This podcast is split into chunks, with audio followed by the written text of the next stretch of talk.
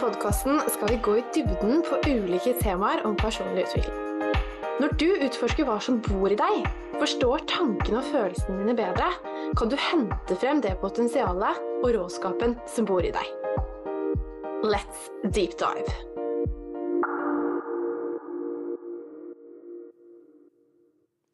Hei og velkommen til en ny episode av Let's deep dive. I dag er jeg så heldig å ha med meg Martina Stroda. Velkommen skal du være. Tusen takk. Så hyggelig. Hyggelig å bli invitert. Og dette gleder jeg meg til. Jeg òg. Og jeg har jo vært litt sånn fan av deg egentlig lenge, Martina, på Instagram.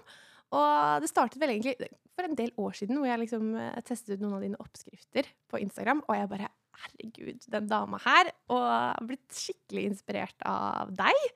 Og også fått lov til å ha deg som online coach i en liten periode. Jeg var så heldig og vant en konkurranse. Det har vært skikkelig, skikkelig kult. Lært masse av deg, Martina. Men, og Vi skal snakke litt mer om det du driver med, og vi skal dypdykke inn på mye spennende. For jeg syns også du har en veldig sånn spennende Du lever et spennende liv. Um, så det skal vi gå litt inn på. Men kan ikke du bare fortelle litt om hva er det du brenner mest for, og hvorfor? Mm, det kan jeg gjøre. Jeg brenner jo i hovedsak for eh, en del ting, men eh, det som kanskje står mitt hjerte nærmest, er jo hvordan vi mennesker kan ha det best mulig. Eh, jeg skiller jo ikke mellom det som heter fysisk og mental helse. For meg er liksom hele pakka én pakke. Så jeg har vært jeg brenner veldig for For min egen del er jo å ha en god helse. Det er høy verdi på det. Og det er ikke bare kosthold og trening og søvn. Det er liksom så mye. Så jeg brenner jo veldig mye for å hjelpe egentlig Begynte jo med å hjelpe meg selv, men hjelpe damer og kvinner å få det best mulig med seg selv. Eh, og finne sin unike Hva skal man kalle det? Sin unike pakke, da, eller oppskrift på hvordan man skal ha det best mulig. Som ikke er, skal sammenlignes med noen andre, da. Så jeg elsker jo å være aktiv. Eh, veldig glad i sol. så det høres jo sikkert kjempeteit ut, men eh, er, noen er født eh, i feil kropp, og jeg føler på mange måter at jeg har vært født i feil land. så jeg har jo veldig sånn dragning mot å eh, reise, og elsker å utforske. Både mat, sånn som du var inne på. Det var der kanskje min Instagram-karriere startet. At jeg følte at jeg plaget folk med alle rettene jeg delte, og maten. Og du plaget liksom. oss på nei, ingen nei. måte! Men Men på min private konto, da. At det ble litt mye. Ja, ja, se hva sånn. jeg spiser. Så jeg tenkte at det handler ikke om meg. Det er ikke derfor jeg vil gjøre det. Men jeg vil hjelpe mennesker å spise bedre mat, da. Eh, og da startet jeg en konto som het Lett og mett. Eh, og det var jo på en måte Det handlet ikke om meg, det var ikke et bilde av meg, det var ikke noe navn, det var ingenting. Så det var jo sikkert da du også sikkert fant det helt i starten. Eh, da var det oppskrifter, og det er jo en ting jeg liksom alltid har brent for. Det er å lage mat, spise god mat. Eh, hva er jo livet uten god mat? eh, ellers er jeg jo veldig glad i å utforske sinnet. Og har hatt en bakgrunn som Ja, livet har skjedd, da. Så det ble veldig fascinerende å se hvordan vi overlever, vi mennesker. Men ikke bare overlever, men hvordan vi kan ha det bra selv om ting skjer. Så det er mye, mye er der, da, mye. som du brenner for, Martina. ja. Men kan ikke du fortelle litt sånn, fordi, for de som ikke kjenner deg, eh, hva er det du jobber med nå? Og liksom, hvem, hvem er du? Mm. Altså, jeg er jo litt den jeg jobber eh, som, holdt jeg på å si, eller det jeg jobber med. Eh, jeg er veldig opptatt av practice what I preach, og jeg er opptatt av helse, og det er veldig helhetlig tilnærming til det. Jeg tror jeg driver noe som heter Empower Women Coaching. Eh, så jeg hjelper kvinner egentlig å skape en livsstil de elsker. Ikke en livsstil som er kanskje den man ser på Instagram, eller den man ser andre lever. Eller jeg tror veldig på at det er individuelt, eh, og at alle er unike. Eh, og hjelper egentlig kvinner å finne ut av den veien for seg selv. Og den kommer liksom litt mens man går. Vi starter ofte med et sted at Veldig mange kommer til meg og ønsker å gå ned i vekt, f.eks. Eh, få en smalere midje.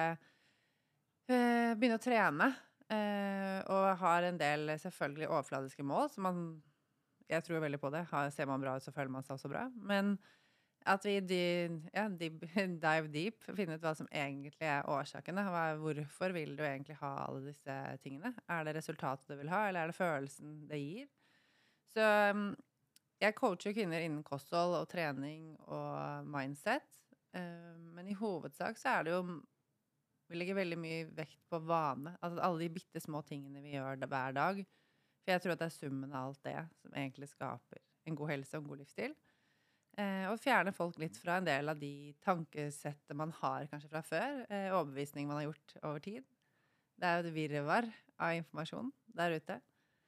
Så jeg pleier å si at det er litt som man ser for seg Du har sikkert vært på sånn restaurant ikke sant? med en meny som er så sykt tjukk. Så er det én side med kinamat, en med sushi, en med pizza, og det er burger. Og så når du tror det er ferdig, så er det liksom indisk og, og en eller annen, et kjøkken til.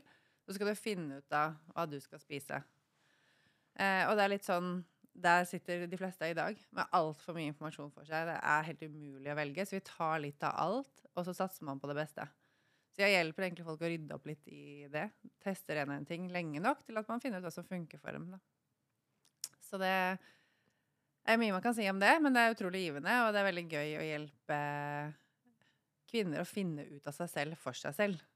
Det er ikke min greie. Jeg bare er en støttespiller og en de kan eh, på en måte stole på i en prosess, eh, som hjelper de å stole på seg selv.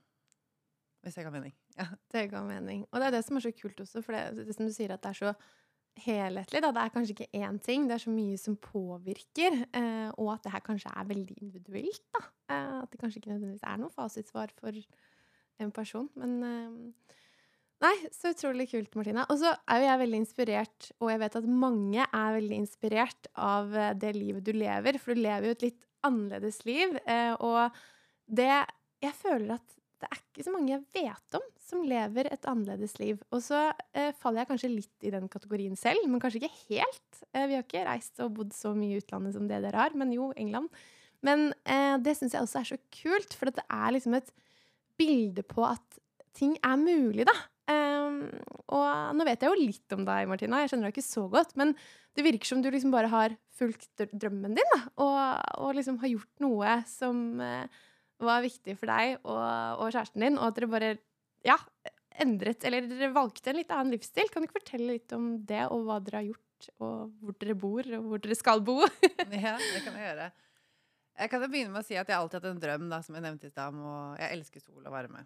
Eh, så jeg har alltid hatt en drøm om å bo og leve i utlandet, og så har ikke det egentlig helt eh, blitt eh, sånn. Fordi jeg har gjort eh, tatt karrierevalg som har gjort at jeg jeg har jobbet i Norge og gjort eh, de vanlige tingene. Kjøpt meg leilighet, hatt lån, alt det der. Men så er det jo av og til at ting i livet Det må pushe deg ganske hardt noen ganger for at du skal tørre å ta hoppe med begge beina. Eh, så det skjedde jo et par ting i livet mitt som gjorde at eh, jeg fikk litt fart på den prosessen, kan man si. Eh, Jeg begynte å kjenne på at eh, hvis ikke nå, når da? Og frykten min for å tørre å følge drømmen Altså frykten min for å sitte der når jeg var 80-90 år og angre på alt jeg ikke gjorde, ble mye sterkere enn frykten min for å feile. Eh, Så vi starta en online business. Eh, Jeg satsa litt på det beste, egentlig. Og så fant jeg ut at eh, hvis jeg skal gjøre det, så vil jeg gjøre det et sted hvor jeg har det best mulig. Fordi jeg også vil hjelpe folk med å ha det bra med seg selv. Så tror jeg veldig på at for å sette meg selv i riktig modus, eh, og så gi meg selv alle forutsetninger, så valgte vi å flytte til Asia. så vi i januar i år, eh, 3. januar i år, så kjøpte vi en enveisbillett til Thailand. En øy som heter Koh Phangan. En ganske liten øy med 20 000 innbyggere. Eh, hvor vi skulle starte en online business sammen. så kult! Så vi eh, har bodd i en jungel, egentlig. Eh, levd eh, veldig enkelt og primitivt. Mange har sett for seg at oi, nå drar de der og bor i en sånn fancy villa og lever luksuslivet. Det er kanskje motsatt av det.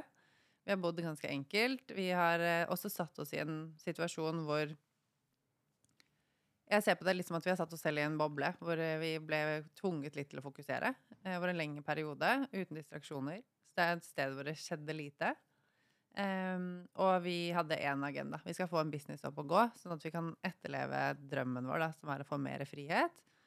Men også at vi får eh, litt bedre økonomiske vilkår, som man gjør ved å leve litt mer, eh, mindre lukrativt. Eh, Og det vil jeg si at Norge er lukrativt.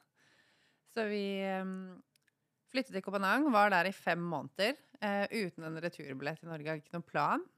Havna til Bali, plutselig.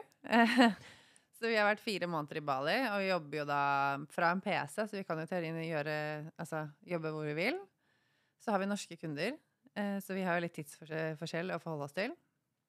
Eh, men det funker egentlig veldig bra. Fordi jeg er veldig der at, eh, og det er jo det jeg preacher, ta på maska di først selv. Når ditt beger er fullt, og det renner over, så har du mer å gi. Og det er det jeg har kjent på selv. Så um, vi lever jo et liv hvor vi tar på maska selv først. Vi står opp seks timer før dere i Norge og lever på en måte vår del av livet som vi ønsker, da. Eh, trener, går tur, eh, spiser og leser og studerer og de tingene eh, vi har lyst til å ha påfyll av. Og så starter arbeidsdagen eh, vår litt utpå dagen når dere står opp i Norge. Eh, og så får vi gjort liksom begge deler. Så vi lever blant palmer og kokosnøtter og surfebrett, men også mye beinhard jobbing. Um, for det tar tid å bygge opp en business og starte fra scratch. Og så legger man jo sjela i å hjelpe mennesker. Så jeg tror veldig på å finne den balansen, da. Um, fylle på meg, fylle på andre, ha mer å gi. Altså sånn går det rundt, da. Absolutt. Ah, så viktig, og så utrolig kult og så inspirerende. Det må jeg virkelig si. Mm. Uh, og jeg tror jo jeg tror jo mange har en drøm om å gjøre noe eget, eller flytte til utlandet, eller Men så er det kanskje den derre frykten, da, for å feile, eller frykten for det ukjente, som jeg tror stopper folk. Um, og du sa litt om det. Um, du var inne på det der, at det, eh, du, du, merket at det, den frykten for å faktisk sitte der når du var 80 år, da, mm. den ble større. Ja, det kan jeg kjenne meg veldig igjen. Men, men, men hva tror du Altså, nå har jo du på en måte fått en erfaring med det, da. Har det vært, uh, vært det? For de, for de, lytterne mine nå som kanskje sitter der bare opp, burde jeg gjøre det?' liksom? Eller hva er Det er jo sikkert tøft, men liksom Ja, er det verdt det? Jeg har veldig tro på at eneste måten å finne ut av ting på, er å ta action. Det er å gjøre. Eh, du blir ikke motivert av å sitte og tenke på alt som kan gå galt, eller hva man bør og skal, og det er lett å tenke seg i hjel. Um, jeg har heller ingen tro på at det er noe som heter perfeksjon. Det stopper oss veldig ofte fra å tørre å ta sjanser og valg. Så jeg kom liksom til konklusjonen på et tidspunkt at den eneste måten å finne ut av, er å begynne å tråkke. Ok, greit, så fant jeg ut da, så tråkker jeg på feil sti, og så må jeg bare finne tilbake igjen. Um, og det å egentlig For min del så var det det at jeg måtte kaste meg helt ut i det. Ikke halvhjerta. Jeg kasta meg helhjerta ut i det. Jeg sa opp jobben min, som var trygg eh, som var et kjempehinder først. Jeg tenkte at jeg måtte ha så og så mye inntekt eh, for at jeg skulle tørre å si opp. Og jeg hadde jo et lån, selvfølgelig, en eh, leilighet og disse tingene som eh, i hovedsak ville jeg sett på som begrensninger. Eh, men jeg tror jo veldig på Det er jo kanskje litt flåste å si, men jeg tror jo at hver, hver problem eller utfordring har seks løsninger. Så jeg tar alltid et steg tilbake, ser på hva som er potensielt mulig, og gjerne låner noen andres briller, om jeg skal si det sånn eh, ser litt fra en annen perspektiv og låner andres som har fått det til, da, sin identitet, og tenker hva ville de gjort? Eh, så var jo vi to, så det gir en trygghet i det. Eh, og selvfølgelig hadde vi jo litt inntekt og oppsamlede midler, ellers så hadde jeg jo litt fornuft ligger jo i alle valg. Eh, men jeg er veldig der at jeg tror på at for å få til ting, så må du gå helhjerta inn i det. Eh, så det for vår del å reise til et helt annet land gjorde at eh, jeg måtte måtte på en måte få det til. Og den tingen som jeg kanskje brukte som motargument hele tiden på frykten, var at ok, realistisk sett så er jeg fra, jeg er fra Norge. Hva er det verste som kan skje? Vi har et helt sinnssykt nettverk. Eh, og det å bare bo i Norge i seg selv er å vinne en lottobillett. Eh, vi kan reise tilbake. Vi har noe som heter Nav. Ikke at man skal bruke det, men vi har et backup-nettverk. Man har eh, alltid Det er ingen her som lar deg sulte i hjel eller eh, gå tomhendt. Og i verste fall så har jeg i hvert fall tro på at jeg har kompetanse nok til å få meg en jobb igjen. Jeg kan gjøre noe annet, men jeg velger å gjøre dette. Jeg velger å satse på meg selv og investere i meg selv. Og det vet jeg jo at av erfaring har lønt seg alle andre ganger jeg har gjort i livet mitt.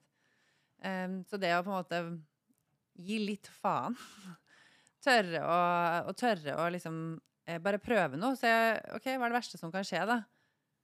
Ok, Så valgte du feil, så velg igjen, da. Ingen som sa du måtte drive med det der for alltid. Eh, så det er litt sånn eh, Det jeg starta med coachingmessig, er jo kanskje ikke det det er nå. Det utvikler seg hele tiden, og det syns jeg bare er dritkult. Eh, og det er jo litt som et lite barn som lærer seg å sykle. Det er jo, ok, Du kommer ikke til å få det til første gangen, og du kommer til å tryne igjen og igjen, og igjen, og plutselig så sykler du jo en mil før du veit ordet av det. Uten støttehjul og uten hjelm og har det dritfett. så det er noe med det at eh, jeg tror det er ikke en livsstil som passer for alle, men man må lære seg å like prosessen.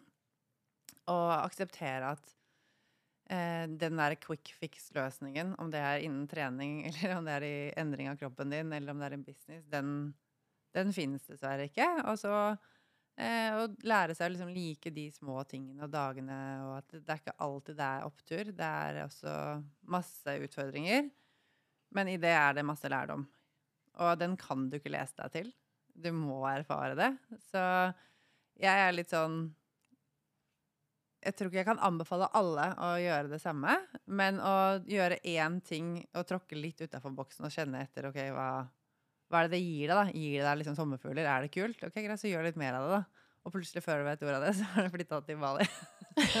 ja, du kan fort ende opp med det Ja. hvis du først begynner. Åh, men jeg tror det ligger noe der, altså. Det er så For jeg tror så mange liksom har tanker, drømmer, eh, små eller store mål som de har lyst til, men det er noe med den derre OK, tør man å ta det første steget? Eh, men samtidig, tenk så mye man går glipp av i livet. Eh, man lever jo bare én gang, og jeg syns det er så fint det du sier med at hva er det verste som kan skje? Den har vært så viktig for meg òg. Bare huske på gang på gang på gang. Mm. Jo, at det er egentlig eh, Jeg innså noe som jeg syntes var veldig interessant, og det var at det, hva er det jeg egentlig er redd for? Det var jo egentlig ikke å ha nok penger eller altså, Ja, vi bor i Norge. Jeg hadde, jeg hadde klart meg. Jeg hadde funnet et sted å bo. Jeg hadde kunnet flytte hjem til mamma, liksom. Men jeg var nesten mer redd for hva andre skulle tenke, eller at jeg skulle feile. Mm. Altså det, jeg var mer redd for det, å være hun der som ikke fikk det til. Og når jeg på en måte så det, så ble jeg litt sånn der, ah, ja, men det kan jeg jo leve med, egentlig. Eh, Fordi at vi, jeg kommer til å overleve uansett. Men ja, skal jeg på en måte la egoet mitt stå i veien da, for meg selv? Eh, det vil jeg jo ikke. Da vil jeg heller være den personen som faktisk prøvde, da. Eh, og feila, men faktisk gjorde en innsats for å gå etter det jeg har lyst til i livet. Eh, så jeg tror det der er skikkelig viktig. Det husker jeg veldig godt jeg har i bakhodet hele tiden. Jeg har aldri vært sånn Før de siste tre-fire årene så jeg har ikke vært så opptatt av Jeg har drevet med selvutvikling, men ikke så spesifikt, da. Så begynte jeg å høre under covid-tiden. Så hadde jeg mye fritid, for jeg ble permittert. Eh, og da gikk jeg uten å tulle to mil hver dag. Jeg var ute ca. ni timer om dagen. Jeg var ute og tenkte Jeg hadde aldri vært alene med tankene mine før. Ikke så lenge. Ja. Da fikk jeg mye tid til å tenke og reflektere, og jeg hørte på mye podcaster. Eh, og Tony Robbins var en av de som dukka opp litt sånn tidlig. Så husker jeg bare det er én ting som brente seg fast av mange av de flotte tingene han sier. Jeg syns det kanskje er litt vel amerikansk, Ja. men det er en ting han alltid sa. Den eneste måten du feiler på, er hvis du stopper. Og den har liksom bare hengt seg fast i meg. At jeg har jo aldri feila hvis ikke jeg faktisk velger å legge meg ned og bare si stopp. Så Ja. det utvikler seg. Kanskje ikke det funka på den måten jeg trodde det skulle. Men jeg tror liksom at ok, greit, men da tar jeg et steg til, da. Og ett til, så ser du hva som skjer. Plutselig så er det noe som løsner. Så jeg har litt den der troa på at uh, Litt sånn at universet, at ting løser seg litt sånn som det skal. Og så tar jeg det ikke så jævlig personlig. Mm. Jeg tenker at Hvis jeg møter motstand, så er det noe jeg skal lære. Eh, hvis jeg ikke får det til, greit, da må jeg prøve en annen ting, da. Som jeg gjør med alt annet i livet. Eh, men akkurat når det gjelder business, så er det litt den der, som du sier, da. Jeg tror den der imposter syndrome kan komme. Eh, vi sammenligner oss med alt og alle. Men også det at eh, man må ta et realistisk blikk på det. Ok, er det, helt, er, det, er det ikke litt dumt hvis jeg sammenligner med en som har drevet med dette i ti år? Det er jo helt urealistisk, ja, egentlig. Og så finner jeg litt humor i det. Altså mine egne feil, altså mine tanker, da. Eh, og jeg vet jo at tanker er bare egentlig mye bullshit. 100 Eh, 5% er kanskje sant, 95% er bare tanker, erfaringer, ting vi ser det som. Men det å evne å ta et steg tilbake og le litt av seg selv og sine egne tanker, det bruker jeg mye som et verktøy. Eh, og så tror jeg at Som du sa, det var det verste som kan skje, men også når eh, den frykten kommer, for den kommer jo, og den er kanskje frykten for å skamme seg og andre ting, så er det det som drar litt med hva om det går, da? Jeg er litt Ja. nysgjerrig. men Hva om det går? Det er litt samme greie man spiller lotto for, tenker jeg da. Ja. Men hva om du vinner? Er? Det er jo stor sannsynlighet for at ting ikke går. Men jeg tror de som tør å bare stå i det og holde ut, og faktisk om de fortsetter å spille lotto, eller om de fortsetter å jobbe med det de skal, så er det litt den der resiliensen, da. Hvor lenge er du villig til å stå i smerte for å få noe bra? Og, og se på de positive tingene i det som også kanskje oppleves som eh, før du gjør det, som smerte. Er det egentlig det, eller er det kanskje litt gøy å være på tynn is? Ah, det er noe med det. For det er som, hva er fokuset, da? Er det Mm. fokus på hva om det kan gå, hva om det er mulig, eller hele veien? Jeg tror hele, veldig mange har det der fokus på hva om det går galt, hva om det går galt. Og når du hele veien har det fokuset, og legger energien din på ok, hva, hva skjer hvis det går galt, da, da, da bruker du ikke energien på riktig, på riktig sted, da. Ja, men eh, Martina, kan ikke du snakke litt om altså, hvordan er det egentlig å bo i utlandet? Og du har bodd både i Thailand og Bali. Det er utrolig annerledes. Og hva er det du liksom har erfart, og hvordan har det vært?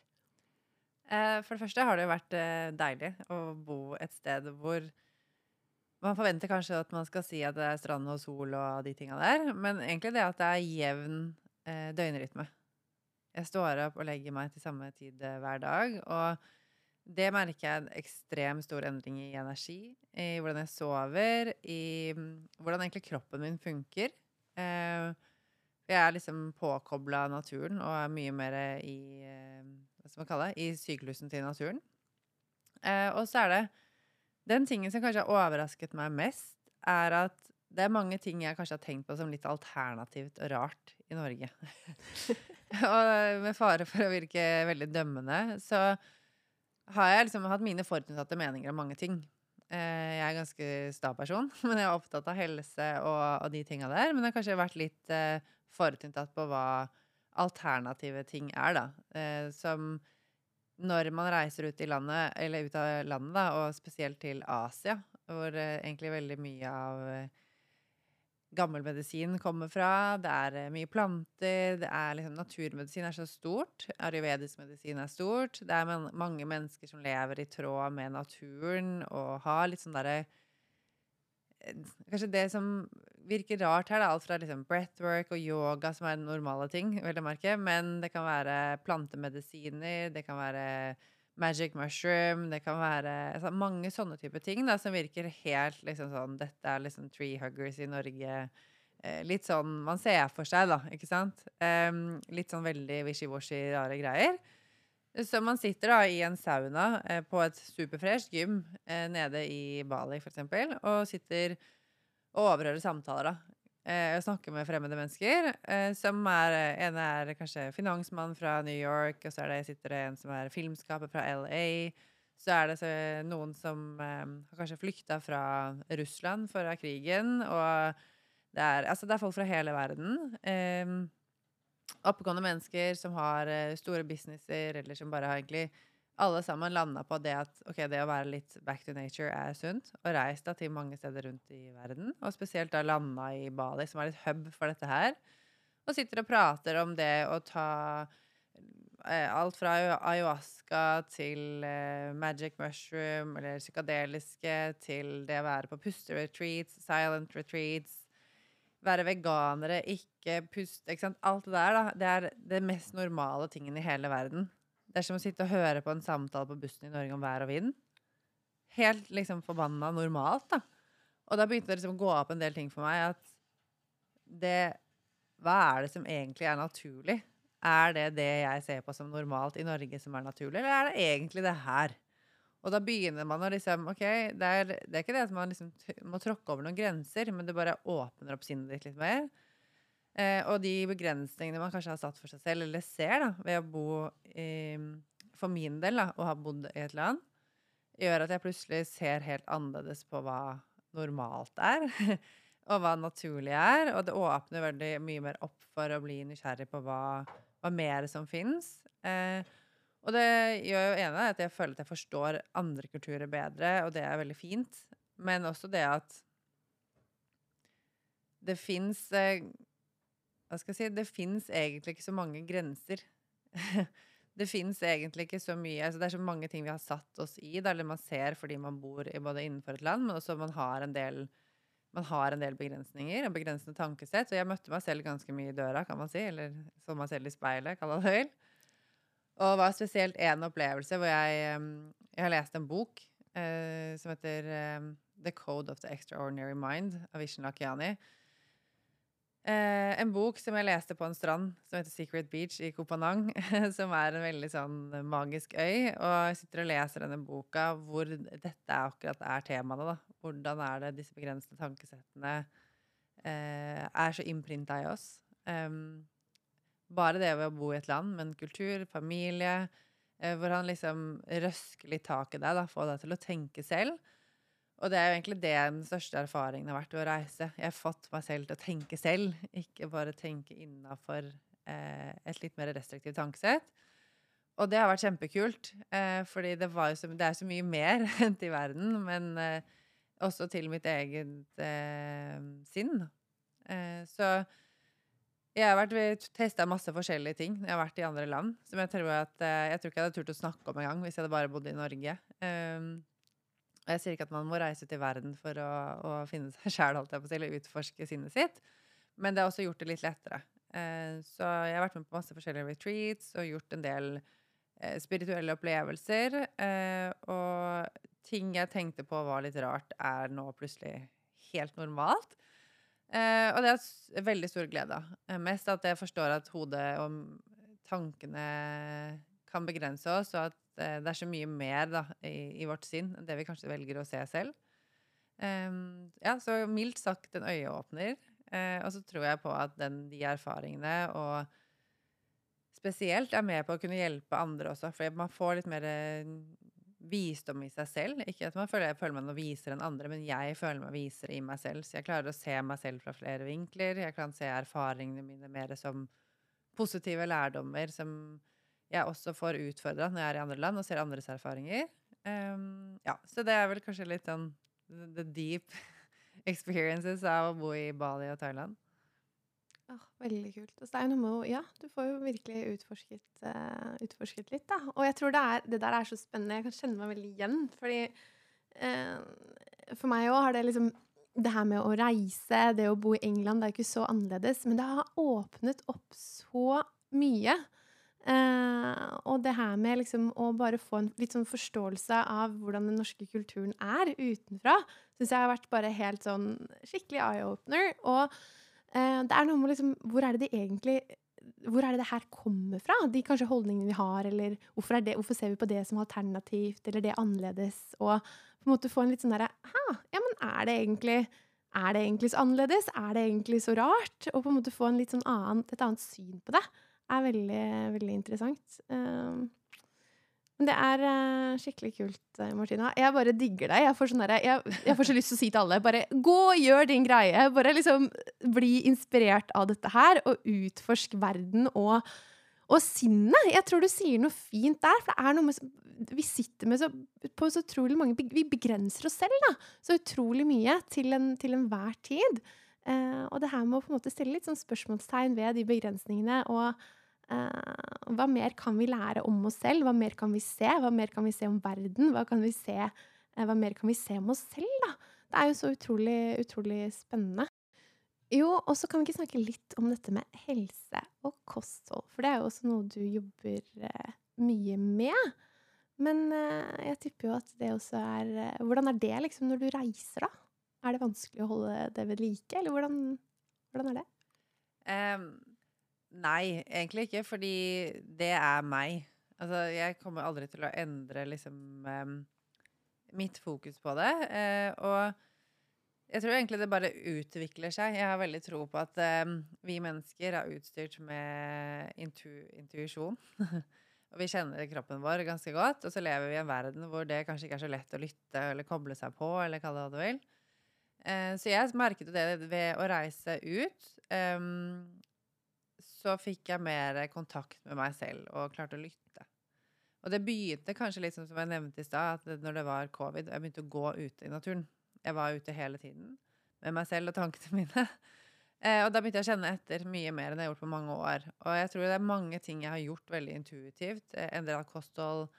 Jeg kjenner etter liksom at jeg spiser i sesonger. Jeg kjenner litt sånn etter på hva jeg trenger, da. Og det har jeg jo gjort i mange år, men den ble enda forsterka når jeg reiste.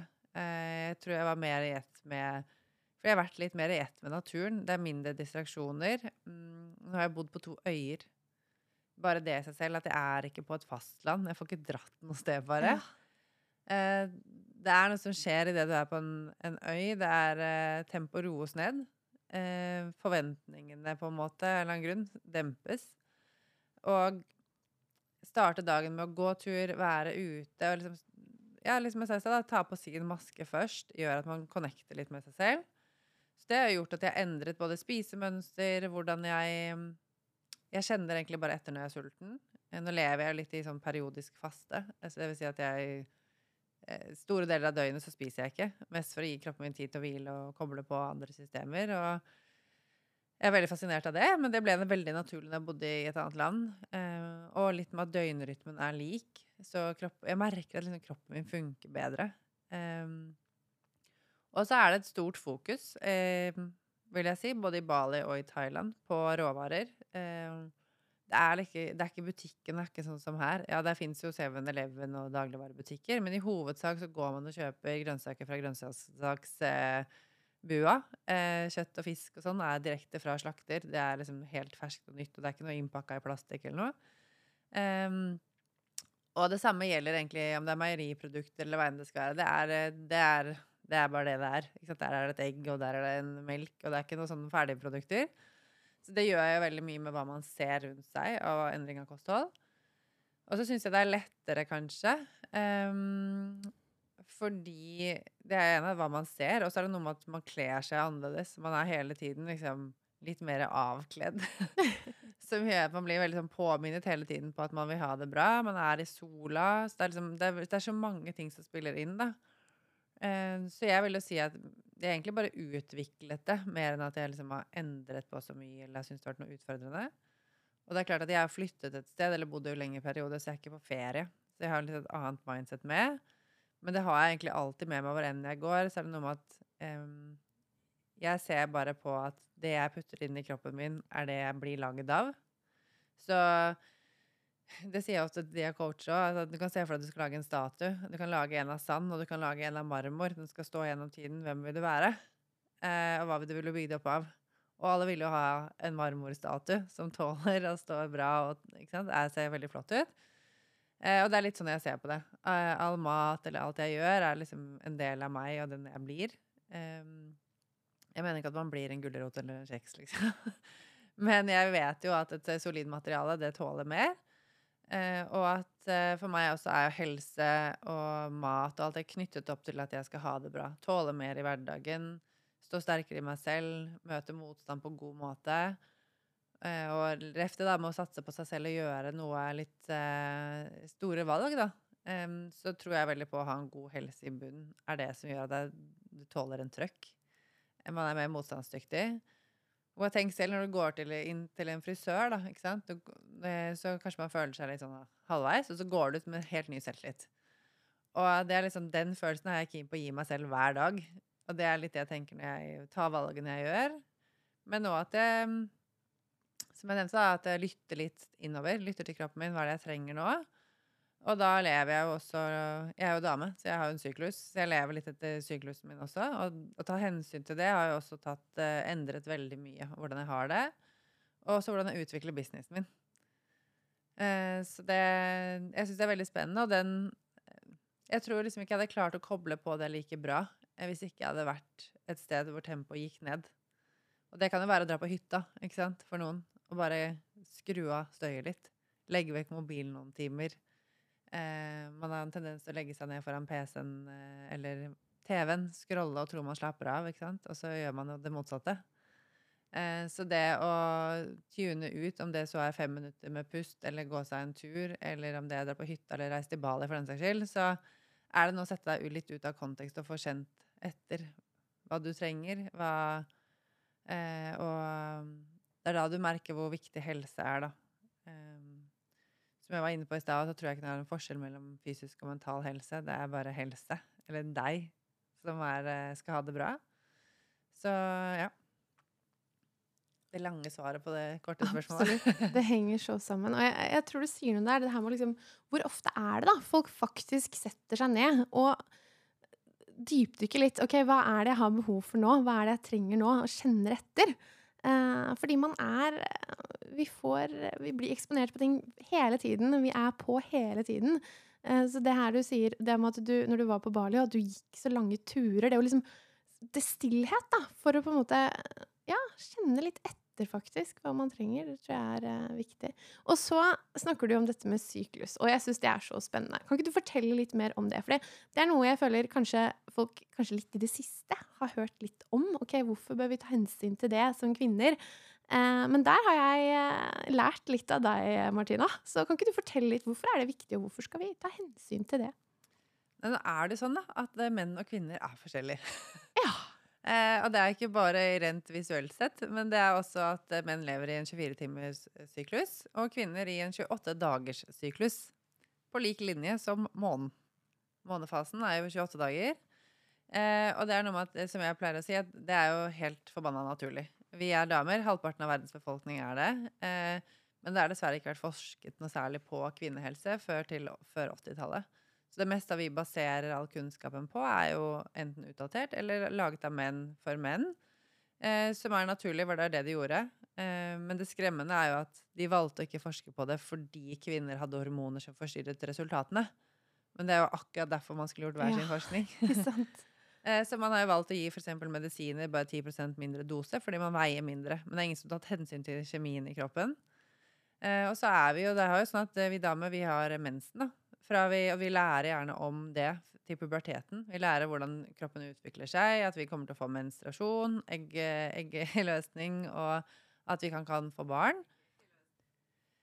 Det lærer man jo om da, på barne- og ungdomsskolen. Kanskje litt av familien sin og sånn, men det er ingen som lærer det hva som skjer etter du er 18 år.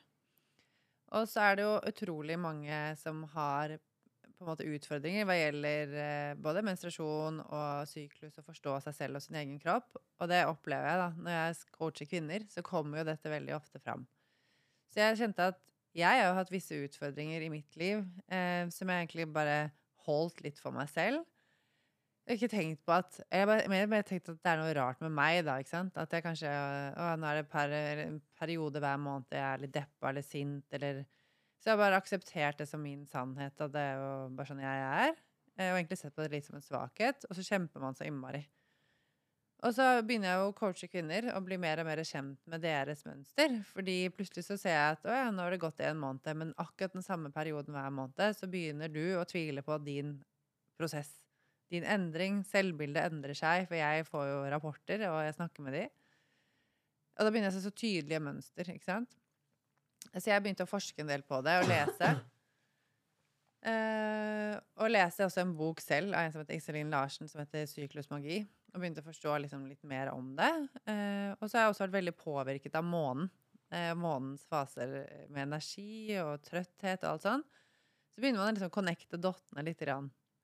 Det er ingenting som er mer verdifullt enn å forstå seg selv litt bedre. At det er helt sjukt normalt da, at vi går gjennom eh, selvfølgelig disse fasene. Men òg at det, det, går an ved bare å snakke om det og kjenne seg igjen i andre, få litt hjelp i det. Så mm, jeg legger jo opp på en måte livet mitt litt etter syklusen nå, eh, basert på den kunnskapen jeg har. At når jeg har eh, PMS, eller før jeg skal ha mensen, så har jeg kanskje ikke mest oppgaver. Det er ikke da jeg går på en podkastinnspilling, eller skal ha sluttforhandlinger med noen, eller ha mest mulig salgsmøter. For jeg veit faktisk ikke helt hvordan jeg føler meg. Og hvis jeg har en skitt i dag, da det, det, er jo noen dager du våkner opp og lurer på hva i alle dager Det er bekmørkt. Du lurer på hvorfor du helt tatt skal gidde å gjøre noen ting. Du ser på typen din og tenker bare Hvorfor er jeg sammen med deg? Det er dritirriterende bare at du ser på meg, liksom.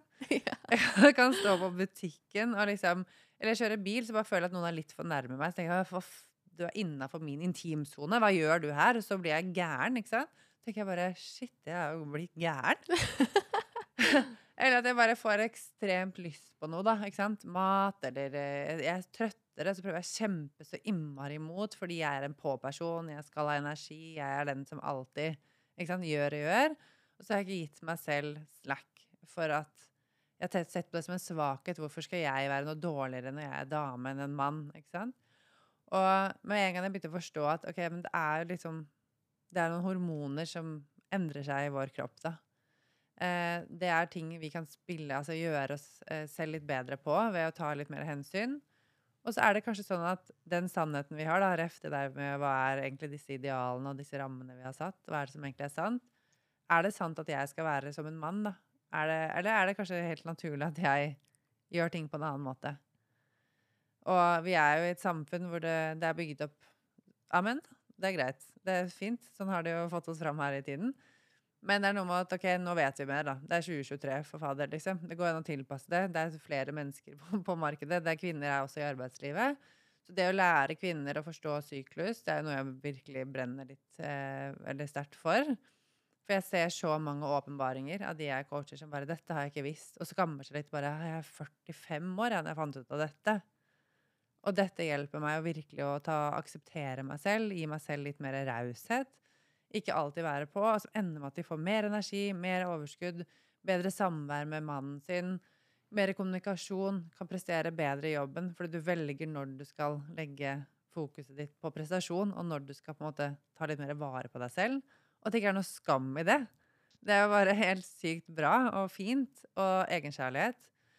Og det å bli liksom kjent med de fasene, de er jo ulike for de fleste, men å liksom legge opp livet litt eh, på den måten eh, Legge opp eh, altså alt, om det skal være opplevelser, sosialt samvær, hvilken prat du skal ha med mannen din på hvilket tidspunkt. Ja. Eh, fordi det er, det er, en del kjemi som foregår. Um, og så er det ingen som har lært oss det. Ikke sant? Og så er det, det, er det jeg ofte sier til folk, men det er ikke så rart du ikke vet det. Det er ingen som har lært deg det. Så ta på seg litt sånn den lærings, eh, hva skal man kalle det, læringshatten og være litt åpen for at det er, noe, det er, ikke noe, skam i det. Det er ingenting som er bedre enn å få den kunnskapen. Og personlig så har det endra mitt liv veldig. Og egentlig bare være meg. Hvis, eh, Istedenfor å tenke at jeg skal prøve å være noe jeg ikke er. Eh, og sånn som nå den uka som har vært, da, hvor jeg har vært i den fasen hvor jeg har eh, mensen. Ja, jeg snakker om det. Så så har det vært litt fint å gi meg selv litt Ok, da har jeg sovet litt lenger. Jeg har spist litt annerledes. Det er ikke da jeg periodisk faster, kanskje. Det er da jeg liksom hviler litt. Tar ikke så tunge treningsøkter. Sånn at nå, i andre enden, så har jeg masse å gi. Superpunch. Jeg har liksom fylt på det der eh, glasset, da. Det er mange måter å se på det på, men det er også helse. På i aller høyeste grad. Som ikke er likt for menn og kvinner. Um, og jo, det ene er jo det du ser rundt deg, det er naturlig. Altså Vi er i syklus. Verden er i syklus. Det er årstider. Det er eh, månedssykluser. Det er, liksom, det er helt normalt. Så det å liksom snakke litt om de tinga, dra ned det stigmaet litt Og jeg ser det, den åpenheten eh, ved å snakke om det. Og, så, og spesielt også for de kvinnene jeg coacher, men også dele de historiene med hverandre. Også som venninner, og, og, men også som foreldre til barna sine. Og snakke om det. Fordi å sitte inne med den følelsen at det er noe feil med deg, den er ganske vond. Eh, og så er det så mange kvinner som sliter med endometriose, PCOS, og det er mange sykdommer som aldri har vært liksom, på banen, og det er masse mørketall. Og bare det å kunne liksom forstå det litt mer, gjør kanskje at terskelen for å gå for hjelp er litt lavere. Du må ikke leve Det er ikke normalt å ha smerter. Det er ikke normalt å ha, ha så mye motstand og mørke Mange har veldig, veldig, veldig mørke tanker. Eh, og da kanskje det tar deg to-tre uker å komme seg etter den, og så skal du rett tilbake igjen. Så ja, det hører du jeg brenner for. og det er så bra, Martina. For, jeg, for jeg, jeg, opplever at det her var ganske sånn nytt for meg. Egentlig ganske nylig. Eh, jeg om, jeg tror kanskje det var liksom Jeg hørte litt på det var, Nei, det var ikke podkasten din, men på noen innlegg du, leste noen innlegg du hadde. Og, og jeg syns det her er så fint at man kan skape litt mer åpenhet rundt dette her. fordi at eh, vi trenger jo å, å snakke om disse tingene her. For det er den derre, som du sier, hvis man føler seg helt alene, og dette her er unormalt, eh, så blir det så utrolig, utrolig vanskelig. Men eh, du snakket litt om det, og jeg syns det er så interessant. Eh, I forhold til Bør man trene annerledes? Bør man spise annerledes når man eh, er, eh, har mensen, eller før mensen? Ja, eller det er jo Selvfølgelig, nå er alt individuelt. Så jeg tenker at Kjenn etter og følg på det selv. Hvis du kjenner at det er litt tungt i dag, så merker man ofte om det er vondt i vilja, eller om det er faktisk kroppen din som trenger litt hvile. Eh, men eh, la oss si periodisk faste, da, som er noe jeg praktiserer som et verktøy for å ha en god helse. Eh, ikke som en diett. Det er bare en måte å spise på. Så er blant annet det veldig mye grunn til at det ikke har funka ofte bra for kvinner, er fordi vi gjør det som en mann. De kan gjøre det hele tiden fordi de har en 24-timers syklus internt. Mens eh, vi, eh, som har fire mm, uker, da, på en måte, eh, 28 dager, bør f.eks. i den perioden vi har PMS, som er før menstruasjon, ikke faste. Fordi det er kroppen vår i lav Altså vi er lavere på en del av hormoner, og de hormonene trenger også mat for å produseres. Så eksempel de siste dagene før en menstruasjon så er det lurt å ta det litt mer med ro. Det er ikke da du skal pushe på rekorder på trening. Eh, du skal heller ikke faste. Du bør kanskje sove litt mer, gi deg selv litt raushet, hvile. Eh, gå heller en tur. Det er trening, det òg. Yoga er også trening, men det er også det å Vi får ikke eh, på en måte natt uten dag. Vi får ikke glede uten sorg. Vi må også gjøre det samme med trening. Vi må restituere, og vi må hvile. Det er ikke alltid fra en dag til en annen. Det kan være perioden på den måneden, da. Eh, så den perioden hvor du kanskje har menstruasjon, og de dagene etter det, da er det, er det bare å gønne på. Da begynner vi liksom å fylles opp igjen. Men igjen, under selve menstruasjonen så er folk forskjellige. Jeg er i best form da. Altså sånn super Jeg tror jeg skal være skitt i form fordi jeg føler meg oppblåst. Men så er det kanskje mest å gi på trening allikevel. Så der tenker jeg det er viktig at folk kjenner etter.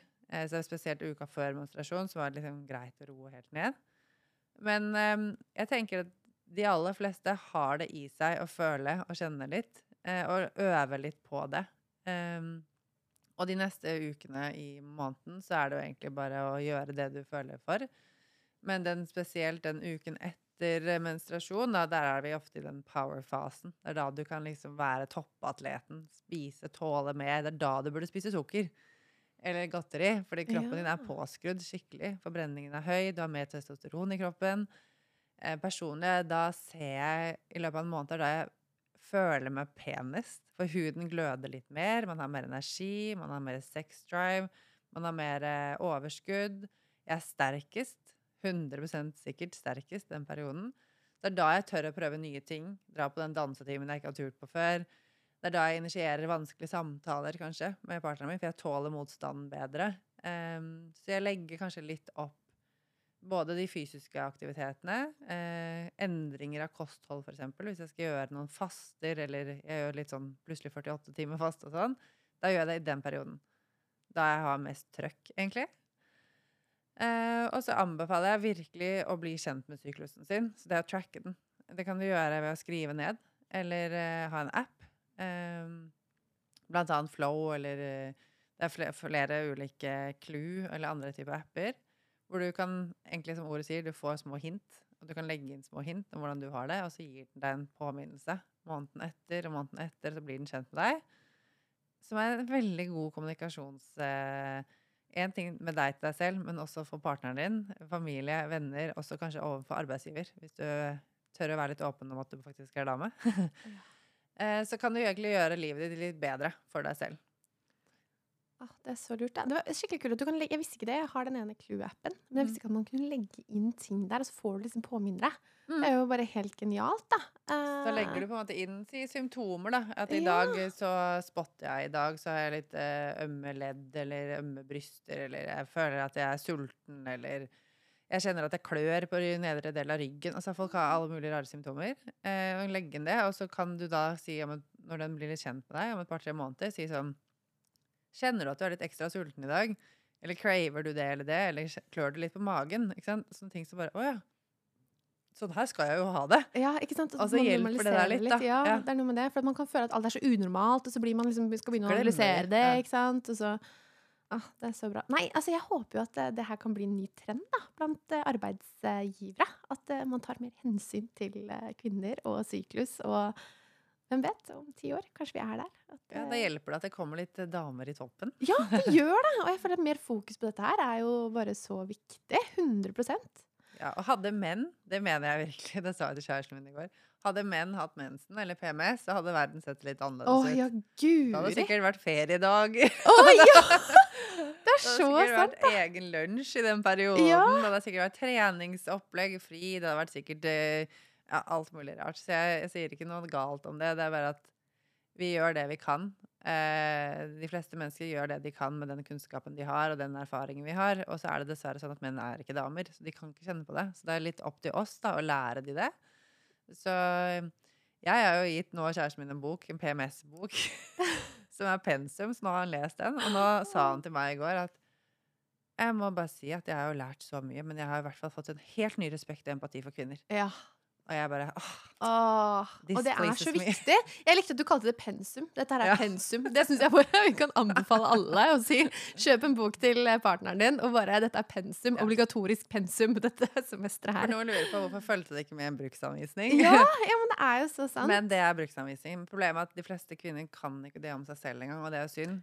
Så vi må jo starte med oss selv, men det er utrolig verdifullt eh, lære det bort, om det både er til barn og Men det er ikke bare kvinner som trenger å forstå det. Det er menn. På lik linje som vi forstår deres testosteron, eller vi forstår deres sex drive eller arbeidsinnsats, eller hva enn det skal være.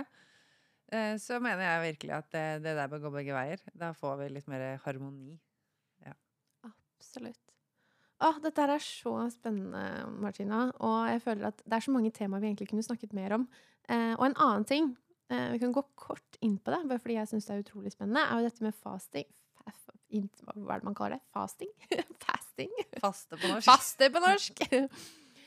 Og eh, for det vet jeg også at du uh, gjør en del og har snakket litt om, og det er så kult, for for meg har det virkelig vært en eye-opener, og det har hjulpet meg så utrolig mye. Og det er så interessant, fordi at jeg hadde alltid et sånn syn på det at jeg må spise frokost. Det er liksom det første jeg må gjøre på morgenen, ellers så fungerer jeg ikke. Eh, men jeg har det bare så mye bedre med eh, etter at jeg begynte å faste. Mm. Eh, fordi jeg rett og slett har mer energi. Jeg merker at jeg er mindre sulten. Før var det sånn, jeg var sulten hele tiden. Det var liksom akkurat som sulten kontrollerte meg. Eh, og det påvirket meg i forhold til at jeg ble mer irritert, frustrert når jeg var sulten. Eh, alt dette her, Men også jeg hadde mye mer magesmerter. Så for meg har det bare vært sånn derre ah, Det har bare endret så mye. Men jeg kan jo ikke, jeg er jo ikke en ekspert på dette med fasting, Martina. Men kan ikke du fortelle litt? Det er liksom bare min erfaring med det. Men hva er det egentlig, og hvorfor skal vi gjøre det? Altså, faste er jo kanskje det mest naturlige vi mennesker gjør. Eh, vi gjør det hver natt når vi ligger og sover. Vi spiser ikke. Og faste er jo egentlig bare å ta avstand fra noe. Ikke sant? Det er avhold fra noe. En periode betyr ikke at ikke du skal få det igjen. Og en av de største hindrene folk har, er vel at man er redd for å være sulten. Men vi dauer ikke av å ikke spise, spise litt. Rann. Og hvis man ser liksom tilbake i tid Jeg må si at jeg er heller ingen ekspert innen dette, og heller ikke lege, men jeg har lest veldig mye om det. og studert en stund, og også testa ganske mye selv, og med, med klienter osv. Så, videre. eh, så jeg anser jo ikke fasting som en diett, og det har veldig vært i vinden mange ganger. Og det har ofte blitt slått litt ned på fordi det funker ikke, eller det er eh, ja, utfordrende, eller at det skal være selges inn som en slankekur, da. Noe det overhodet ikke er. Det er en måte å spise på. Um, som var helt naturlig fra vi var jegere og sankere. Um, kan tenke deg selv, vi bodde i huler. Um, mennene måtte ut og jakte, kvinnene var hjemme og lagde mat av det som var. Planter og andre ting. Det vi fant, ikke sant. Og mennene er ute og jakter. Noen dager gikk det dritbra. Fikk en svær okse hjem, eller hva enn det skal være. En annen dag så var det ikke så lett. Og det gjør at vi spiste masse på kort tid, for det var det vi hadde. Og det, vi hadde jo ikke noe sted å oppbevare maten. Eh, så vi spiste masse, og så gikk det kanskje noen dager før vi spiste igjen. Eh, vi hadde ikke kjøleskap. Vi hadde ikke noe matskap. Vi hadde ikke noe Fodora vi kunne ringe og få levert på døra. Eh, Så alt dette er jo samfunnsskapte ting som har løst problemer som kanskje egentlig ikke var der. Um, så vi har jo kanskje hatt et uh, Vi lever i et samfunn hvor vi spiser eh, litt vel ofte. Uh, det er alltid tilgang på mat. Uh, og så er det sammensatt. Det er mange måltider vi spiser som er sammensatt på en måte som gjør egentlig bare på et helt hormonelt nivå at vi vil ha mer mat. Det roter til sultfølelsen vår. Eh, det er raske karbohydrater, det er en del av den ultraprosesserte maten, som både gir litt betennelser i kroppen, men også som gjør, som du sier, da, spiser jeg ofte vil jeg ha mer. Og det er ikke bare at du spiser, men det er også hva du spiser. Sammensetningen. Som gjør at vi liksom higer etter mer. Eh, og så er det jo kommet, som du nevner, da, dette med frokost, blant annet. Eh, og det at vi har lært fra vi var små at vi spiser klokka da og da, det er i barnehager, det er på skoler, det er jo for å gjøre ting praktisk. Det er for at alle skal gjøre det samtidig. Men du ser bitte små barn, de gjør det helt intuitivt. 'Jeg vil ikke ha mer', eller 'nå er jeg sulten', gi meg ikke Ikke sant? De styres helt intuitivt av når de vil spise og sånn.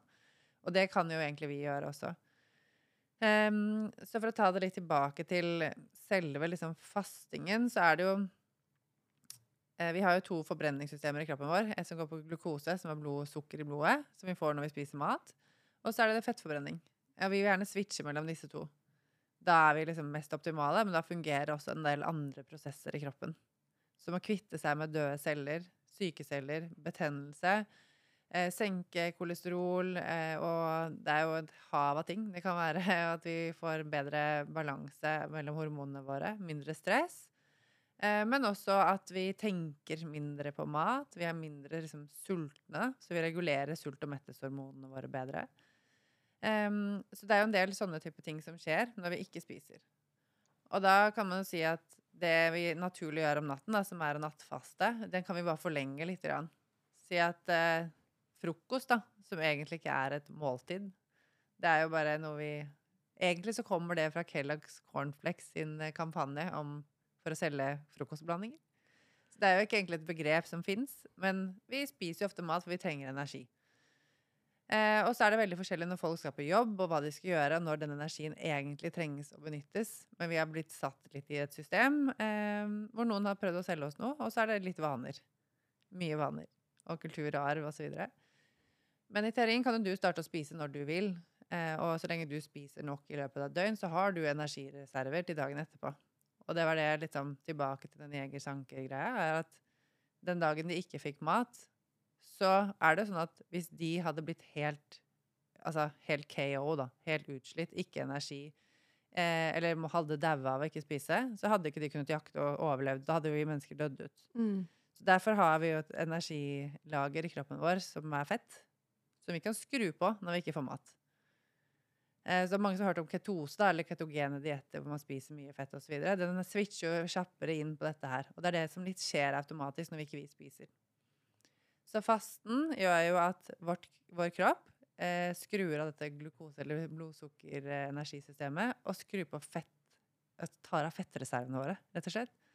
Og det vil vi jo, for da tar den unna excess fat på kroppen. Eh, lagre som kanskje har ligget over tid, men også døde celler og andre typer ting i kroppen som trengs å ryddes opp i. Så det at eh, vi har disse to systemene, eh, er jo det som gjør mennesker veldig unike. Eh, som gjør at vi overlever. Som gjør at eh, du finner menneskene i en brønn som har ligget i to måneder, og så har de overlevd av en eller annen merkelig grunn. Det er ikke så merkelig. De har tatt av sine fettreserver. Vi trenger vann, og vi trenger andre ting. Vi trenger luft mest av alt for å overleve og kunne puste. Men akkurat det, det er litt den frykten vi har for å være sultne, det er ofte den som holder oss litt igjen, og som gjør at vi spiser og spiser og spiser. Og så hører man folk snakke om at jeg har så lavt blodsukker, og det der jeg må spise, ellers blir jeg så hangry. Og, ikke sant? Men på mange måter så merker jeg at eh, det er spesielt min erfaring, er jo at det ved å faste en periode, gjør at akkurat det der forsvinner. Så ved å ha litt jevnere faster, om det kanskje er 16 timer du ikke spiser, og 8 spiser, timer du spiser, eller du har 12 timer for den saks skyld, hvor du har pause, så hjelper du både deg selv å tro på at det går, fordi du har faktisk klart det, men også at det derre tanken på mat og neste måltid og sånn, det kan forsvinne litt. Og når du da først skal spise, så tror jeg også at det ser jeg, da velger man ofte å spise bedre mat. Fordi du skal, når du først skal spise bare et par ganger, eller tre, så velger du også å ta bedre måltider. Du får tid til å planlegge det litt bedre, og du nyter det faktisk litt mer. Så jeg ser egentlig både en sånn fysisk og mentalt vinn-vinn i det. Eh, Men når det er sagt, så er det jo ikke for alle. Eh, På en annen side så ser de også veldig mye forskning som viser til at akkurat når det gjelder de sykdommene man kanskje er litt redd for å få, diabetes, Alzheimer, masse autoimmune sykdommer og veldig mange av de sykdommene som er knyttet til betennelse i kroppen, de minkes eller minimeres av det å faste. Så jeg har mye bra å si om det, men jeg tenker det er viktig også for folk å sjekke det opp litt selv og søke litt i forskning og sånn. Eh, og kanskje hvis man er nysgjerrig på det, starte med litt rolig med, med å bare forlenge, altså drøye frokosten litt. Men gjøre det litt konsekvent over tid og kjenne etter. Og kanskje stoppe å spise litt før på kvelden. Eh, for det er jo egentlig litt logisk at rett før du legger deg, hvorfor skal du ha påfyll av energi? Mm. Skal ikke du hvile da? Vil du ikke roe ned kroppen? Så det å spise veldig sent er jo egentlig for å fortelle kroppen din hei, nå skal du på, du skal være i gang. Men det er jo, hvis man ser på det litt sånn, veldig ulogisk. Du vil jo heller sette kroppen din inn i hvile. Og så vil du også på morgenen em, ha klarhet og føle at du liksom er punch og alt det der. Og det får du egentlig ved å ikke spise, for det forstyrrer og setter i gang mange- andre prosesser. Så det beste er egentlig å samle beviset selv. Sånn som du sier, da. Kjenne etter, teste ut. Ok, kanskje ikke det er noe for deg. Men man må også tåle å stå litt i det. Eh, det er ikke noen ting Altså, jeg ser på faste litt som healing. Healing er ikke godt. Ingen sa det var digg. Nei. Eh, brekker du beinet, så gjør det vondt at det gror. Eh, har du feber, så er det kroppens måte å heale på. Krangler du med typen din, så er det en form for healing når dere rydder opp. Det er ingen av disse tingene som gjør godt. Det gjør litt vondt, men det blir bedre i andre enden. Eh, så det å faste og komme liksom litt inn i det, gjør litt vondt før det blir bra. Og så tror jeg man for de aller fleste må samle de bevisene selv. Kanskje sitter du der med mer energi og overskudd. Kanskje går du ned i vekt, eller du begynner å skru på kroppen sin forbrenningssystem. Så tenker jeg at det må du finne ut av selv. Men det er i hvert fall ikke farlig å være sulten. Og det ikke, det, ikke, det skjer ingenting ved å ikke spise på en liten stund, så lenge du passer på å drikke nok vann. Ah, det er så fint sagt. For jeg syns du sier noe der, det her med at man må samle litt i bevisene selv. For det, det går liksom til litt tilbake til det der med hvorfor gjør vi som vi gjør, og hva er det vi har blitt tillært, da. Og de vanene vi kanskje har tatt med oss, uten å egentlig stille spørsmålstegn ved de. Litt sånn som frokost. Jeg syns det er så godt eksempel. Altså, mye av det handler da egentlig om markedsføring. Dette med snacks og protein bars og liksom mellommåltider. Eh, mye av det handler kanskje om at ok, ja, men det gjør at folk tror at de trenger eh, snacks, de trenger å kjøpe mer mat og mellommåltider osv. Og, så og så, så stiller vi liksom ikke spørsmålstegn ved det. Og igjen det her med å gå tilbake i tid. Da. Hvordan var det faktisk folk levde før i tiden? Når de ikke hadde kjøleskap og ikke kunne bare stikke innom butikken. Jeg syns det er så interessant, for du, du får liksom noen perspektiv på ting. da. Og det å kanskje liksom, som du sier, skape litt sine egne perspektiv, sine egne bevis. Se litt hva funker egentlig for deg, tror jeg er så viktig. Mm. Og det er litt sånn jeg har funnet ut at min coachingstil er òg, er jo at ingen liker å bli fortalt hva de skal gjøre. Ikke sant? Det er ingen som liker det. Så jeg vil heller hjelpe folk å gi verktøy og teste ut. Og så er jeg der og støtter dem underveis, eller meg selv eller andre. Og så saml de jævla bevisene selv, da. Fordi jeg kan ikke fortelle at det er sant. Kjenn etter. Men de færreste tar sjansen og prøver, akkurat som det er å drive sin egen business. Om det er å faste, eller om det er å begynne å trene. Du må liksom prøve først. Akkurat som vi sier til barn. Du vet ikke hva du liker før du har prøvd. ikke sant? Det er jo noe i det, da. ikke sant? Og teste litt først, men du må samle dine egne beviser. Fordi hvis du kjenner på at du har mer energi og overskudd, du tenker mindre på mat, du syns det er mer behagelig i hverdagen, hjernen din funker bedre, du har mer ro da, når du sitter og faktisk jobber med en oppgave, eh, eller at du tar bedre valg generelt sett, så er det sånn, ok, men er ikke det beviser nok på at det funker? Og når du kjenner etterpå det, reflekterer litt rundt det, så er det sånn, ok, da har jeg gjort min jobb. Du har gjort egentlig deg selv en kjempetjeneste. Og jeg tror det er overførbart i alt da, man skal gjøre endring på, er jo da prøve, holde ut lenge nok, og så, ja, det krever selvfølgelig litt disiplin, men den eneste måten du kommer til å fortsette å gjøre det på, er hvis det funker for deg, og da må bevisene være der. Nå, Martina, så har vi vært innom mange temaer, og dette her er så spennende. Og jeg bare digger å sitte og, og høre på det du har å si, for det er så mye å lære her. Og jeg håper at eh, lytterne også har eh, tatt med seg masse. Og på en måte er kanskje det litt den røde tråden her, da. Dette her med å liksom bli litt kjent, søke litt innover, eh, skaffe seg litt i bevisene. Hva funker for deg? Det er kanskje ikke noe fasitsvar. Men det å stille litt sånn spørsmålstegn hvorfor gjør jeg det jeg gjør? Hvorfor tar jeg de valgene jeg tar? Hvorfor lever jeg det livet jeg gjør? Er det mulig å gjøre det på andre måter? Være litt nysgjerrig. Men jeg vet ikke hva du tenker. Hva liksom Vi har vært innom både dette her med å liksom leve drømmen, leve et litt annerledes liv, dette med mat, kosthold, trening, syklus. Har du liksom noen sånn siste tips, eller noen oppfordringer til de som eh, lytter? Ja, jeg tror at eh, alle har godt av å stoppe opp og ikke gjøre en dritt. Eh, det er egentlig da du finner ut av det. Jeg får mye spørsmål om hvordan skal jeg finne ut av det eller det, og klarhet og hvis du skal finne ut av hva du vil bli når du blir stor, da, skal du tørre å følge drømmen din. Vil du gjøre en endring i kostholdet ditt, endring i vaner, hva enn det skal være. Så er liksom svaret er jo superkomplekst, men egentlig veldig enkelt. Det er bare du som veit det. Men hvordan finner du ut av det? Du må stoppe opp og ikke gjøre en dritt. Og det kan være at du går deg en tur, eh, men gjør det mange nok ganger til at du faktisk setter av, eh, setter av litt headspace. Det kan være at du tar deg en uke ferie, liksom. og ja, kanskje du føler at jeg kasta bort den jeg burde vært i Spania eller ditt eller datt. Nei, av og til så må man bare ikke gjøre noen ting. For det er så mye inntrykk hele tiden vi får. Vi blir så påvirket. Så skru av mobilen litt, og bare vær for deg sjæl. Eh, puste litt, få litt avstand fra ting. Eh, det tror jeg på en måte det, det, ligger så utrolig mye klarhet i ingenting. Og ja, hva gjør jeg når jeg tenker, og da, da tenker jeg på alt og sånn. Okay? Men det er helt naturlig, det. Vi tenker, vi er mennesker. Vi tenker hele tiden. Og så går det an å snakke til seg selv og tankene sine og si stopp opp litt nå. Nå er jeg nødt til å prøve å sortere litt. Da kan det være fint, for noen trenger de å skrive ned litt. Men ta med deg noen gode spørsmål da. inn og spør deg selv det. Hvorfor gjør jeg det jeg gjør? Eh, er det en annen måte å leve på? Hva er det jeg egentlig føler for? Og en av de oppgavene jeg alltid gir alle de jeg coacher, er ok, du skal skrive ned 50 grunner til hvorfor. Om det er hvorfor du skal starte businessen din, hvorfor du skal gjøre en endring av kostholdet ditt, hvorfor det å ha en god helse er viktig for deg, så er kanskje de første svarene du får, overfladiske. Eh, kanskje det er å gå ned i vekt, det kan være at du vil bli sterkere, mer fit, det vil tjene mer penger, er det noe. Gå tre lag til, da. Hvorfor er det viktig for deg å tjene mer penger? Hva representerer det? Jo, kanskje det er frihet. Hva er frihet for deg, da? Er det å gå på en strand uten sko og ikke følge en kalender? Eller er det økonomisk frihet?